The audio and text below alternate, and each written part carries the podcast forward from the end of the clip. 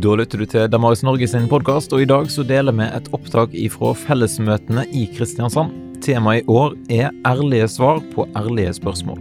Og vi i Damaris Norge synes at det er flott at årets fellesmøte setter fokus på viktige apologetiske spørsmål, og er takknemlige for at vi får samarbeide med fellesmøtene og lage ei spennende ressursside til de temaene som blir tatt opp. Du finner denne ressurssida på snakkomtro.no fellesmotene. Altså inne på snakkomtro.no. Så sjekk ut den sida, og del den gjerne med noen som du kjenner.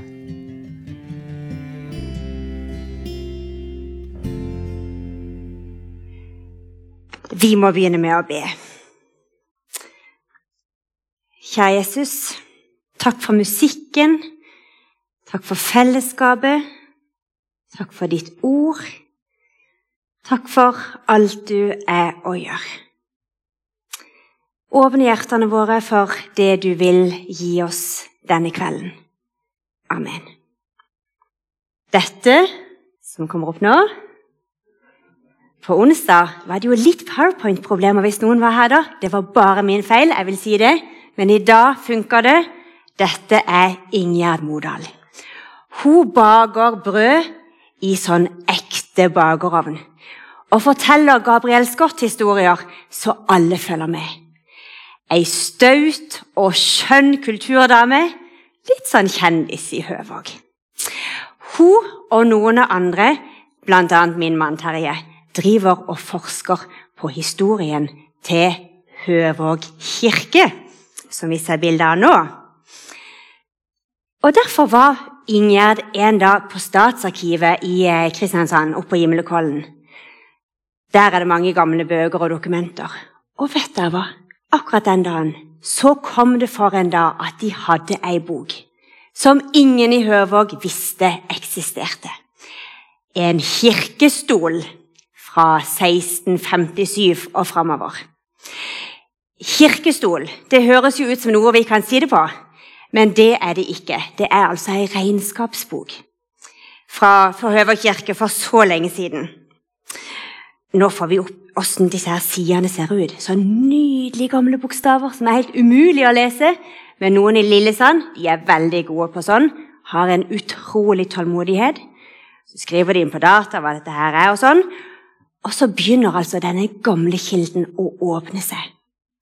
Det er i grunnen ganske lite vi har visst om historien til denne kjære kirka vår. Det har gått en del sånne historier, og så har vi ikke visst hva som var sant, og hva som var fri fantasi. Men nå kom svarene. Å, var det sånn det var? Noen ting ble bekrefta, eh, andre ting ble korrigert. Og så kom det masse nye opplysninger som ingen hadde tenkt på før. F.eks. utenfor kirka sto det på 1600-tallet en gapestokk. Det var jo ganske fælt, da. I kveld skal det handle om ei annen bok. Ei bok som er enda mye mer spennende og revolusjonerende enn denne kirkestolen for Høverkirke, kirke. Og den boka er Bibelen. Og sånn så min konfirmasjonsbibel ut. Dette er bare sånn eh, ren nostalgi for min del, da. Kirke, kirkestolen uvurderlig kilde til Høverkirkes historie. Bibelen uvurderlig kilde til hva Gud har gjort i historien, til hvem Gud er, og hva Gud vil. Uten denne gamle regnskapsboka mange store kunnskapshull, mange ting vi ikke visste.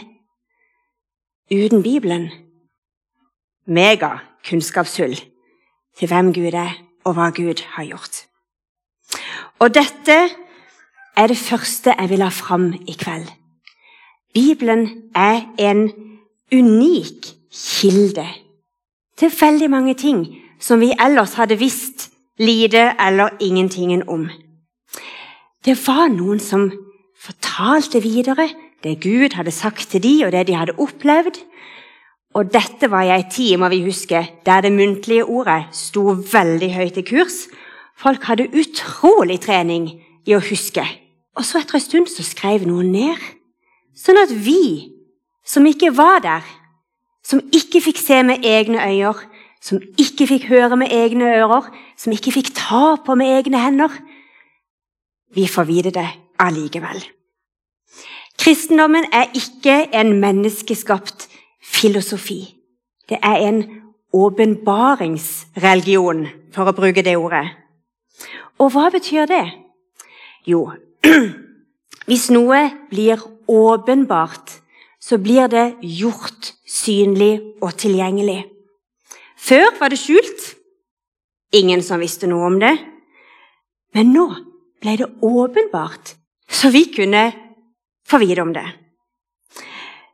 Grunnlaget for hele den kristne tro er ikke at noen mennesker i gamle dager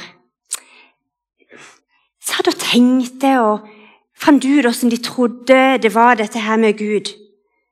Nei, grunnlaget for hele troen det er at Gud bestemte at han ville åpenbare seg i verden. Han kunne jo i teorien ha valgt å ikke gjøre det, og bare holdt seg skjult, sånn at ingen på jorda fikk eh, bli kjent med han. Men han gjorde ikke det. Han snakka med folk, han fortalte om seg sjøl, delte følelser og tanker, for å si det sånn.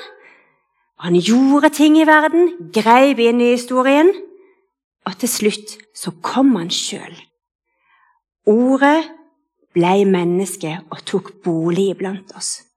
Og vi så hans herlighet, den herlighet som den enbårne sønn har fra sin far, full av nåde og sannhet. Litt etter dette så skrev Peter, altså disippelen til Jesus, han skrev noe i et av brevene sine som vi skal få lese nå.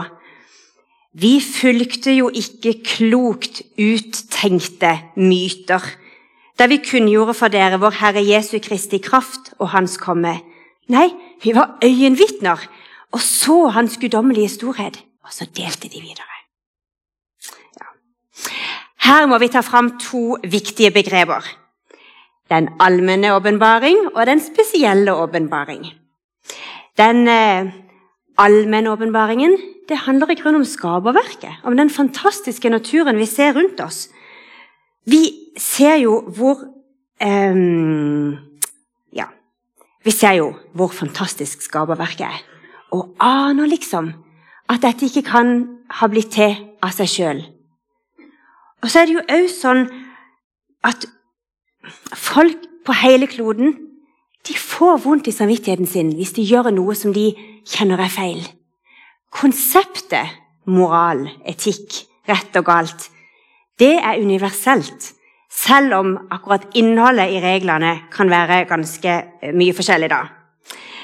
Den allmenne åpenbaring handler om at hvem som helst av oss kan bruke sansene våre. Og så kan vi eh, bruke tankene våre, og så kan vi bruke det indre kompasset vårt. Og så kan vi begynne å nærme oss Gud og det gode og det sanne.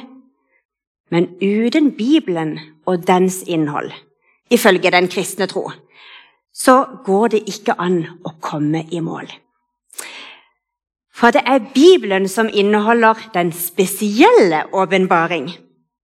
Og den gjør det som eh, regnskapsboka som Ingjerd fant, den bekrefter Bibelen, sant? Den bekrefter en del ting som vi eh, trodde. Den knuser noen myter som vi eh, tenkte var bra. Og så tilfører han oss masse helt nytt som ikke kom opp i noe menneskes hjerte. Um, og fordi Bibelen er en så verdifull kilde til ting vi ikke kan finne ut på noe annen måte enn ved å lese den boka, så går Bibelen helt prinsipielt, mener jeg, aldri ut på dato. Det var det første jeg ville si. Og nå kommer det andre. Og her kommer det en historie som jeg syns er ganske søt. For litt lenge siden da, så var det ei ung dame som begynte å lese ei bok.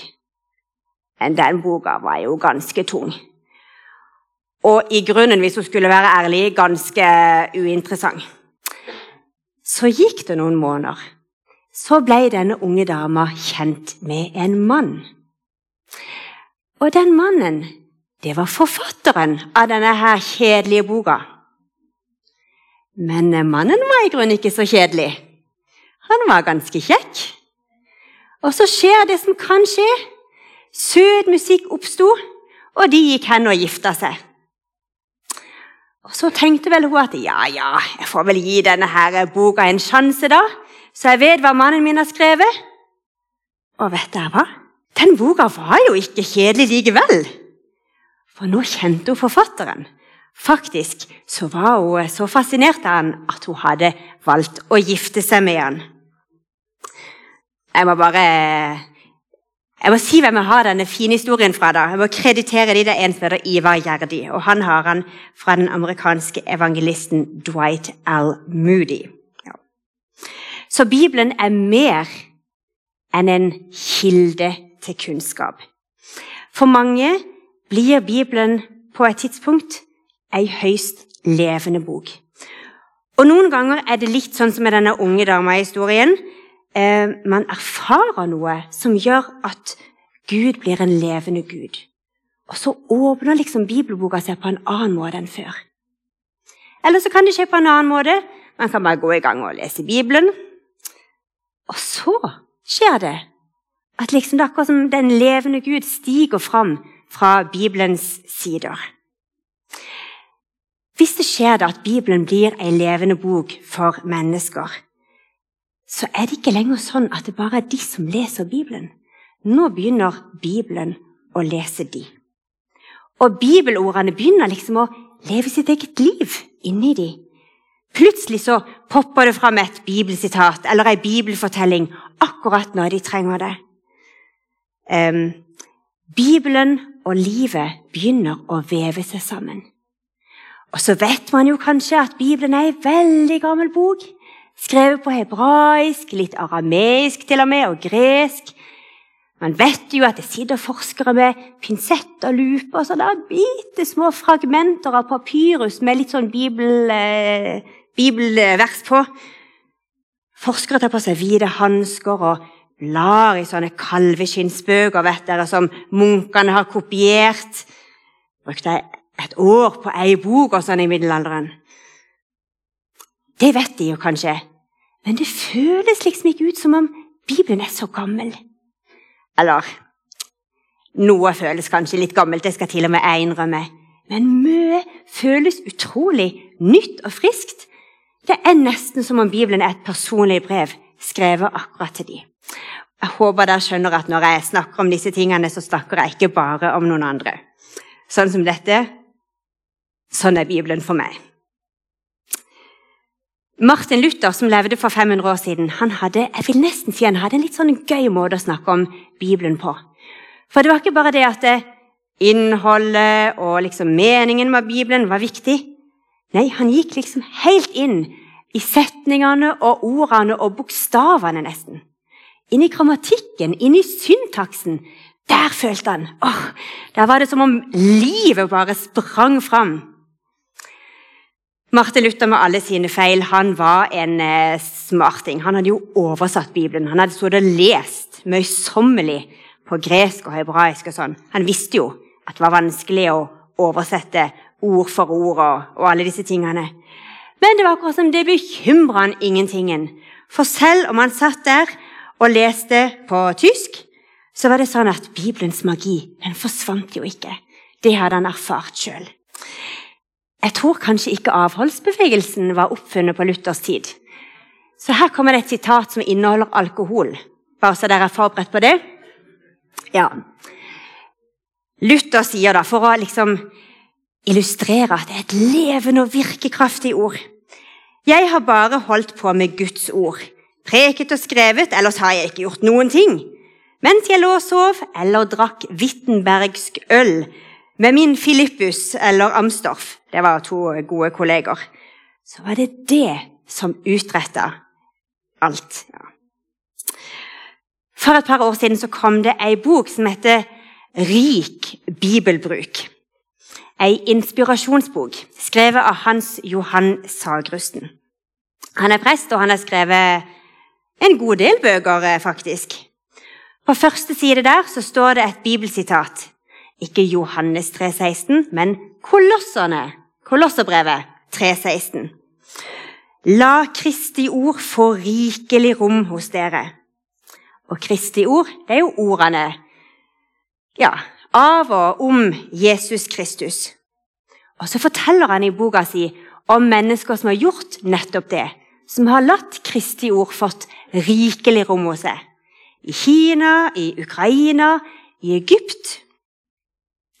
Alle disse stedene han eh, forteller om, så fins det mennesker som eh, leser Bibelen regelmessig, i fellesskap og kontinuerlig rik. Ja, Fiffig ordspill der i tittelen.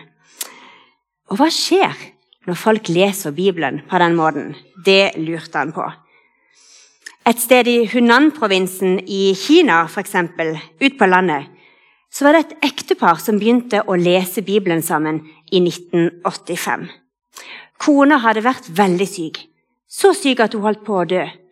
Og så hadde hun hørt at de kristne ba for syke, så hun oppsøkte ei kirke. Der ble hun bedt for, og tenk, hun ble frisk. Og Da syntes hun jo det var litt interessant å finne ut mer om han der Jesus. Så hun og mannen de begynte å lese Bibelen hver dag, høyt sammen. Begynte et sted og bare fortsatte, liksom. Fortsatte og fortsatte. Så var det noen naboer som syntes at hva, hva, er det, hva er det de holder på med, egentlig? Og så ville de være med. Og så kom det noen flere som ville være med. Og på i underkant av 30 år, 29 år, så hadde disse to vokst til en menighet på 1000 medlemmer. Det kom ikke noen misjonærer, eller det var ingen som hadde liksom planlagt å starte en menighet der. Det bare skjedde fordi det to mennesker som knapt kalte seg kristne, tok fram Bibelen og leste. Høyt, ofte og i sammenheng og sammen. Det at Bibelen blir ei levende bok for så mange, det sier meg at det er ei bok som ikke går ut på dato. Og så er det jo ikke alle som opplever Bibelen som ei levende bok.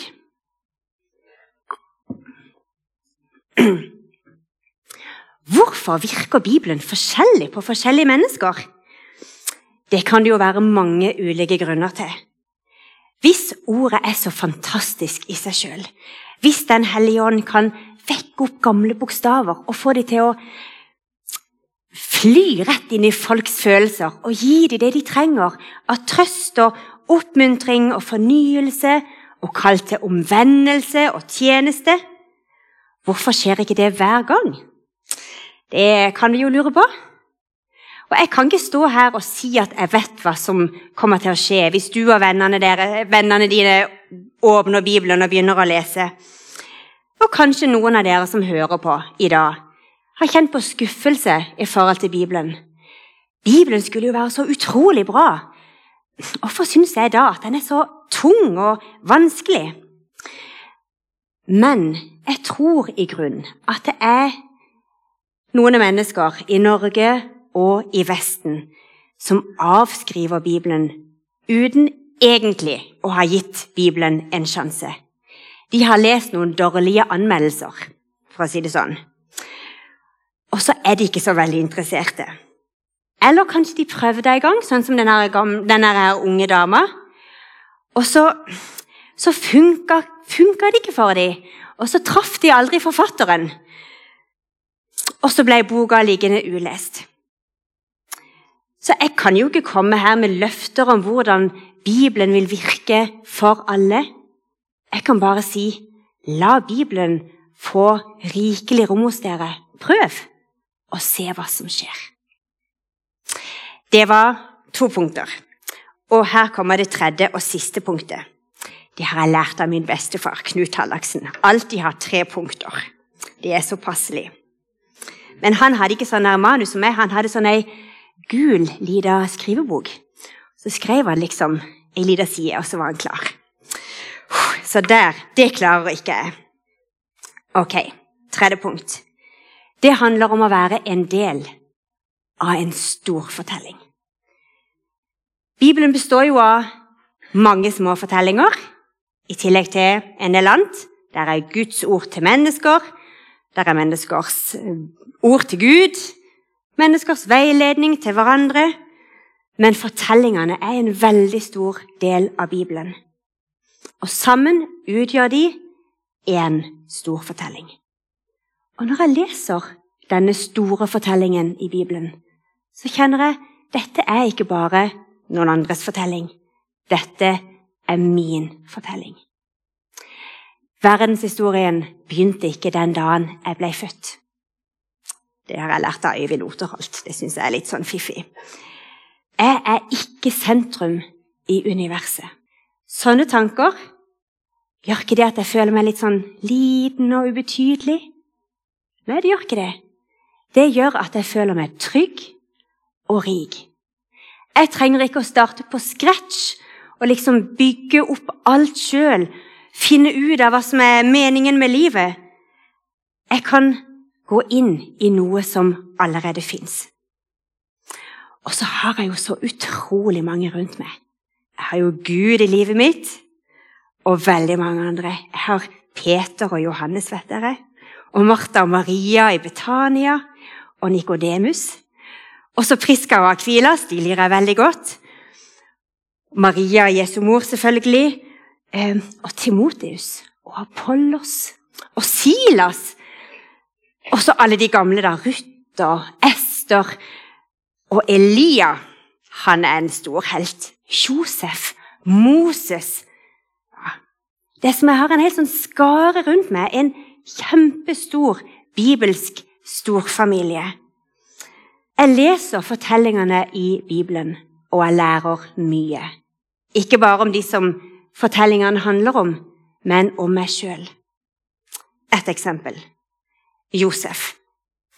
Han ble kasta i en brønn, solgt som slave i Egypt, ble kasta urettferdig i fengsel, og han ble nestkommanderende rett under farao, ble redningsmann for et helt folk. Livet hans var en berg-og-dal-bane av oppturer og nedturer. Og så takla han det så utrolig bra. Når jeg leser om Josef, så tenker jeg Åssen takler jeg å møte motgang? Og åssen takler jeg å møte medgang? Jeg vet jo egentlig ikke hvordan det er å leve uten Bibelens Gud, uten Jesus, uten denne svære storfamilien. Men jeg syns det virker litt vanskelig. Um, de unge generasjonene i Norge i dag de vet mindre sånn generelt om Bibelen enn de som er gamle nå. Er de dermed lykkeligere, frigjort fra Bibelens tyngende åk? Nei, jeg er ikke så sikker på det. Iallfall så kjenner jeg at jeg blir så utrolig lei meg når jeg leser statistikker over psykiske problemer blant barn og ungdom. Det er så mange som har det veldig, veldig vanskelig. Um, jeg hørte just på radio på Vinter i P2, der ungdomsforsker Ingunn Marie Eriksen snakka om akkurat disse tingene. Og Hun trakk spesielt fram én ting. Ungdom i dag, sa hun, og dette er litt sånn fritt sitert De lever, mange, med en sterk forestilling om at alt er avhengig av at de presterer bra. Det er ikke bare det at de har lyst til å gjøre det bra på skolen, og at det funker med trening. Nei, det, det, det som blir så vanskelig, er at de er overbevist om at hvis de ikke lykkes sånn som de, sånn som de vil, så blir hele livet en fiasko. Da er alt ødelagt. Alt, alt avhenger av hva de sjøl gjør. Og det høres veldig, veldig slitsomt ut. Og kontrasten til min egen livsfølelse, den er veldig stor. For jeg kjenner i grunnen at jeg står på fast grunn. Eller enda mer enn det. Jeg kjenner at Jesu nåde, Guds kjærlighet, Den hellige ånds kraft Det er liksom som en sånn bølge eller en sånn understrøm under livet mitt som hjelper meg framover. Hvis jeg faller, så har jeg en som reiser meg opp, og det er Jesus. Når um, Hvis jeg lurer på noe, så har jeg jo utrolig mye å, mange å spørre. Jeg vet Priska og Akvilas og alle disse her. Og hvis jeg f.eks. føler meg svak og kraftløs i meg sjøl og ikke klarer å yte sånn som jeg så gjerne vil, ja, da kommer Paulus, vet dere, og så sier han, 'Katrine, husk på det som Gud sa til meg.' 'Min nåde er nok for deg, for kraften fullendes i svakhet.' Og vi har jo skatten i et leirkar. Du må ikke glemme det. Vi har altså Guds store kraft. Den har vi inni oss, vi som er så ufullkomne mennesker, og så lyser det bare ut gjennom alle de sprekkene som vi så gjerne skulle ønske ikke var der. Bibelen er ikke avleggs og utdatert. Vi som lever nå, uansett hvilken generasjon vi tilhører, og ungdommene våre, eller dere som er ungdom Det er jo fantastisk her på fellesmøtene at det, at det er så mange unge mennesker. Vi trenger alle sammen Bibelen. Vi trenger å være en del av den store fortellingen. Vi trenger å vite at ikke alt handler om hva vi presterer. Det er så mye i Bibelen kjenner jeg, som liksom kunne vært hjelp rett inn i det som mange sliter med. Og så er det jo ikke bare enkeltmennesker som trenger Bibelen. Jeg tror at hele samfunnet trenger Bibelen. Og jeg må bare si takk til Monica, som var her i starten. Fantastisk konkret eksempel på at en sånn impuls fra Jesus en gang har liksom blitt til at noen velger å ta imot en ekstra rundt kjøkkenbordet. Ja. Um, og her kommer det ei bok til av Hans Johan Sagrusten. Jeg har en litt sånn Sagrusten-periode. Har dere sånne perioder at dere Jeg har litt sånn hang-up på én ting. Nå har jeg litt hang-up på han, da. Eller bøkene hans, for å si. Vesentlig forskjell. Ja. Ok. Den nyeste boka hans, 'Johannes' åpenbaring, en samtidsvisjon'. Mulig den ikke høres, ser, høres ut og ser ut som en sånn eh, bestselger fra kiosken. Ja, men jeg syns at han er fantastisk.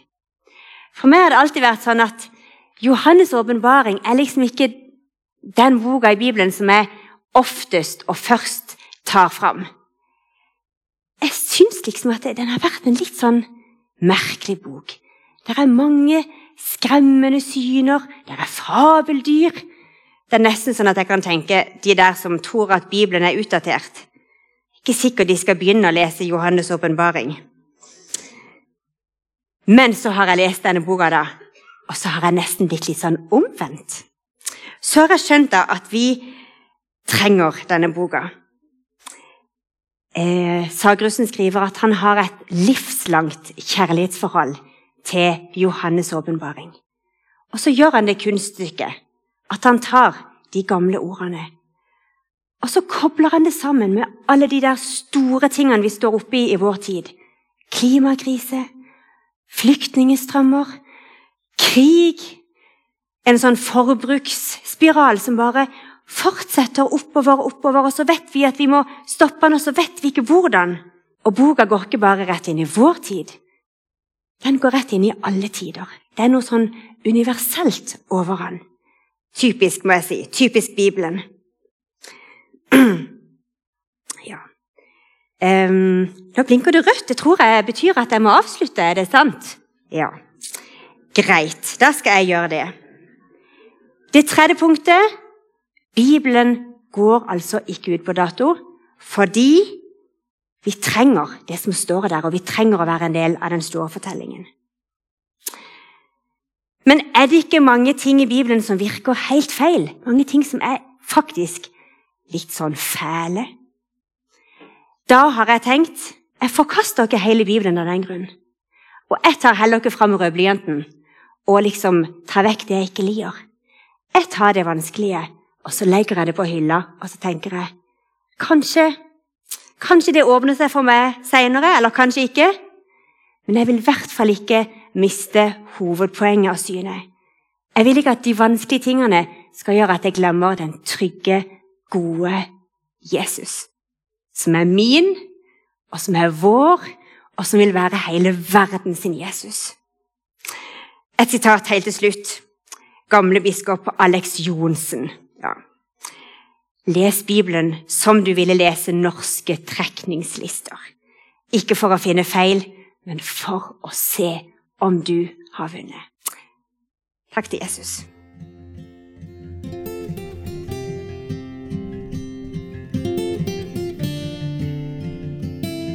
Takk for at du lytta til denne episoden her på Damaris Norge sin podkast.